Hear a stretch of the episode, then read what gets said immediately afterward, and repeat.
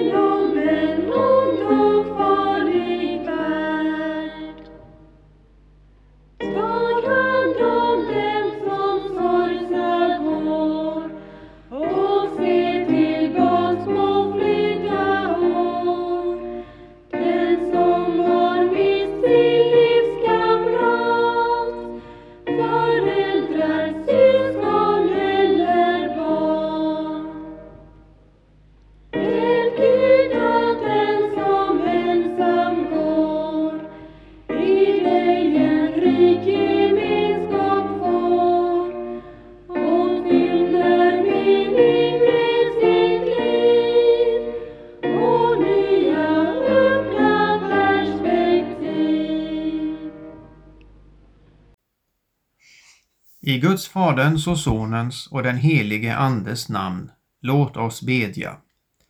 Herre vår Gud, himmelske Fader, du som skapat oss till din avbild, till man och kvinna och genom äktenskapet fogar samman de två till ett kött. Vi ber dig, öppna du själv genom din helige Ande våra hjärtan och därmed våra hem för din Son Jesus Kristus, när han står vid dörren och knackar så att han får komma in och bo där med sin välsignelse och göra allting nytt. Låt våra hem vara en trygg plats för föräldrar och barn och andra som söker sig dit och framför allt en plats där vi genom Guds ord och bönen fostras för det eviga hemmet i himmelen. Amen. Nu ska vi lyssna till söndagens evangelium och det är från Matteus evangeliets tolfte kapitel, verserna 46 till 50, där vi läser i Jesu namn.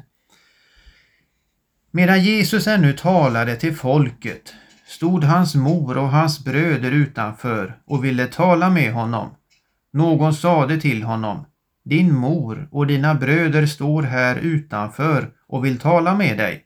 Han svarade, vem är min mor och vilka är mina bröder? Han räckte ut handen mot sina lärjungar och sade, här är min mor och mina bröder. Den som gör min himmelske fars vilja är min bror och min syster och min mor. Så lyder det heliga evangeliet. Lovad vare du, Kristus. Ja, den här evangelietexten den avslutades med Jesu ord. Han räckte ut sin hand mot, eh, han räckte ut handen mot sina lärjungar och sade Här är min mor och mina bröder. Den som gör min himmelske fars vilja är min bror, min syster och min mor. Matteus ger oss ingen förklaring till varför Jesu mor och hans bröder ville tala med honom. Evangelisten Markus däremot nämner att Jesu mor och bröder ville tala Jesus till rätta för att han av vissa ansågs vara från sina sinnen. På den här tiden var familjen mycket stark. Går vi över till nutid och utanför Israel har vi ju begreppet heder. Eh, eller att man lever i en hederskultur som också sätter familjen i en annan roll, vilket vi har fått bekanta oss med här i Sverige. Ser vi till svensk kultur så har vi under många decennier matats med en ideologi av nedmontering av begreppet familj. Hur ofta lyfts fördelarna fram med trygga och bra kärnfamiljer, man, kvinna och barn. Ni kan ju också tänka på långfilmer det är ju, och serier och så vidare. Det är ju inget ovanligt att kulturutbudet lyfter fram brott mot just sjätte budet. Men den kristna församlingen har en viktig roll i att stötta och hjälpa familjer på olika sätt och det är ju även vid en skilsmässa. Inom judendomen på Jesu tid var familjebanden oerhört starka och när Jesu mor kommer så kommer hon inte in till Jesus och folksamlingen utan eh, det skickas bud efter Jesus. Det naturliga hade nog varit att Jesus rest sig upp och gått ut till sin mor och bröder, men det gör han inte, utan vi läste. Han räckte ut handen mot sina lärjungar och sade Här är min mor och mina bröder. Den som gör min himmelske fars vilja är min bror och min syster och min mor. Här talade Jesus om min himmelske fars vilja. Jesus menar inte att vi ska börja bryta mot fjärde budet om att hedra sin far och mor, men han visar på allvaret i det kristna lärjungaskapet. Som kristen, eh, så när man gör sin himmelske fars vilja kommer man in i eller blir en del av en annan familj, nämligen den kristna församlingen. Jesus säger inte att eh, kristna ska bryta med sina föräldrar eller anhöriga, utan i praktiken får man två familjer, vilka en kristen behöver lära sig att leva och förhålla sig till. Lite av nyckelordet här är som Jesus sade, min himmelske fars vilja. Predikan ska nu gå vidare och utveckla och säga något om detta. Vi ska börja med lite tillbakablickar gällande fars vilja och sedan gå framåt till Jesu tid och sedan till vår egen och våra liv och avsluta med helgelsen. Innan detta utvecklas ska det förtydligas att en vilja är ju egentligen krav eller befallning och att bakom detta ligger en önskan. Vilja och önskan säger väldigt mycket om eh, personer och vad vi prioriterar i livet. För det finns ju alltid en motsida till vår vilja, något som vi inte önskar. I vår tid tror jag nog ändå att ordet känslor lite har kommit att ersätta vilja för om vi tänker efter så talas det ju mer om känslor, att vi ska lyssna till människors känslor.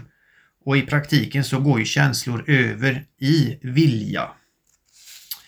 Men nu släpper vi det och så börjar vi för det första med att titta på Faderns vilja bakåt i tiden. Och det blir en ganska kort men viktig och kärnfull punkt. Vi ska läsa från Uppenbarelsebokens trettonde kapitel eh, vers 8. För det sägs väldigt mycket och hur djupt eh, rotat detta med Faderns vilja är. Att det inte eh, är något lösryckt. Uppenbarelseboken 13 är ett ganska hemskt kapitel som handlar om ändens tid och hur Gud tillåter att ett antikristigt rike uppstår och med detta kommer en svår förföljelse. Det är här som vilddjurets tecken nämns 666. Men så i vers 8 står Alla jordens invånare kommer att tillbe det, alltså vilddjuret, alla som inte har sitt namn skrivet i Livets bok och som tillhör Lammet som är slaktat före världens grundläggning. Här stod före världens grundläggning. Det visar bland annat att skapelsen inte kommit till av en slump utan att Gud skapat himmel och jord. Men innan världens grundläggning så hade Gud en vilja, nämligen att frälsa människan, ge det kommande människosläktet en möjlighet till omvändelse och tro. Det kan inte handla om att Kristus korsfästes flera gånger, före skapelsen och sedan på Golgata. Nej, utan det rör sig på viljans plan som går långt tillbaka i tiden. Det stod Lammet som är slaktat före världens grundläggning. I läsningen av Gamla testamentet ser vi Guds vilja i skapelsen, uttryckt i lagen och förtydligandet av förbundet som Herrens profeter talade om. Och så går vi vidare och så ska vi säga något om Faderns vilja genom Sonen. I läsningen av Nya testamentet ser vi tydligast Faderns vilja uttryckt genom Sonen, Jesus Kristi människoblivande och senare hans död och uppståndelse. Eh, vi skulle också kunna säga att Faderns vilja, vad det innebär och betyder i ett människoliv, det ser vi i Jesu liv och gärning. Som barn eh, var han trogen sina föräldrar. Eh, som vuxen gick han på sabbaten till synagogan som han brukade. Han hjälpte behövande med allehanda problem, hunger, sjukdomar, uppväckande av döda. Men Jesus la även stor vikt på undervisning, som bergspredikan eller alla hans vandringar till städer och byar. Alltså missionsarbete om frälsningen. Men där vi får veta mest i detalj om Jesu liv är ju i anslutning till hans utelämnande, domen, döden på Golgata och den tomma graven. Här ser vi Faderns vilja. Här uppenbaras evangelium genom att ingen annan utelämnas, döms och dödas utan Sonen Jesus Kristus. Rent teologiskt, så varför räknas inte vår död såsom försoningsoffer om vi jämför med Jesu död? Jo, det beror på synden. Människan har synden och är inget felfritt offerlamm och fullgott offer inför Gud. Jesus har ingen synd, utan han är både sann Gud och sann människa till att bära hela världens synder i sin kropp upp på korsets trä såsom ett fullgott offer inför Gud. Och så går vi vidare och säger för det tredje något om Faderns vilja hos människan. Faderns vilja var att offra sonen, eller lammet som han också kallas, och som vi såg var uttänkt redan före världens grundläggning och vilket evangeliernas ögonvittnen berättar om att det faktiskt skedde. Men vad innebär det då för människan idag? Eh, hur ska vi nu se till detta då? För rent konkret, vad är det att göra Jesu himmelske fars vilja? Jo, vi ska svara med ett ord från Paulus. Han levde eh, långt ifrån ett lätt liv. Ett liv i Guds rikes tjänst är inte alltid ett glamoröst liv och det är för övrigt inget liv. Men ser vi till Paulus eh, så läser vi i eh, Apostlagärningarna 16 om missionen i Filippi. Paulus driver ut en spådomsande och befriar därmed en slavflicka Eh, men hennes ägare uppskattar inte detta. I dessa herrars ilska ser vi hur kärlekslösa människor kan bli. För var fanns kärleken till slavflickan? Hon var något man tjänade pengar på. Paulus och Silas blev offentligt piskade och satta i fängelse. Men så på natten satte de, när de satt där med fötterna i stocken och sönderslagna ryggar och sjöng lovsånger till Gud. Då sker ett kraftigt jordskalv. Alla dörrar öppnas och alla bojor lossas. När fångvaktaren ser detta tänker han ta sitt liv, men Paulus stoppar honom. Skräckslagen kommer han fram inför Paulus och Silas och frågar Ni herrar, vad skall jag göra för att bli frälst? Det svarade honom. Tro på Herren Jesus så blir du frälst, du och din familj. Slut citat. Sedan läser vi om en väckelse. Det predikade Herrens ord och fångvaktaren och hans familj lät döpa sig. Här fanns förmodligen både slavar och barn. Det sista vi läser om denne fångvaktare var vilken glädje han fick över att ha fått bli döpt och frälst. I kyrkans historia har de kristna hemmen spelat en oerhört stor och viktig roll. Innan stora kyrkobyggnader fanns samlades man i hemmen. Det är samma sak på missionsfälten. Eh, finns inga kyrkor, då får man till exempel träffas i ett hem eller i en annan mm, lokal. Det kan ju vara ett garage till exempel. Där det finns offentliga samlingsplatser som en kyrka eh, så är ju inte den kristna familjen mindre viktig utan det är en grundbult i kyrkans fortlevnad. I hemmen behöver barnen få höra om Gud, tala om Gud, lära om Gud och bedja till Gud för att gemensamt med andra på andra samlas på den dag då Kristus uppstod och gick ur graven på söndagen för att fira gudstjänst. Förmodligen måste ju Jesus i dagens evangelietext ha varit i någon form av lokal och när budet kom att hans anhöriga var där räckte han ut handen mot de församlade och svarade Här är min mor och mina bröder. Den som gör min himmelske fars vilja är min bror och min syster och min mor. Att göra Jesu himmelske fars vilja är att tro på Jesus så att du blir frälst och därmed benådas av Gud, förlåten, upprättad och upptagen i hans familj. Det fjärde vi ska säga något, det är om Guds vilja, att ni ska vara heliga. Det kan låta självklart, det som sagts nu, när saken presenteras på detta sätt. Men glöm inte att av naturen är människan emot Guds vilja. Naturen är ju skapelsen och den är lagd under förgängelsen. Jesus liknar gudsordet. Eh, det ord som Paulus och Silas predikade för fångvaktaren innan han överlät sig till Gud och lät döpa sig, så liknar Jesus ordet för utsäde, om ni tänker på jordbrukaren och vårbruket. Jesus säger inte där att all säd, att allt Guds ord föll i god jord, utan en del hamnade vid vägkanten eller bland tistlar. Härmed säger Jesus att Faderns vilja möter motstånd och det är inget litet motstånd. Det kan bli splittringar i familjen, ifall ingen annan tror, uttittad på skola och arbete. Människan är emot Guds vilja och hos somliga blir det ingen väckelse alls.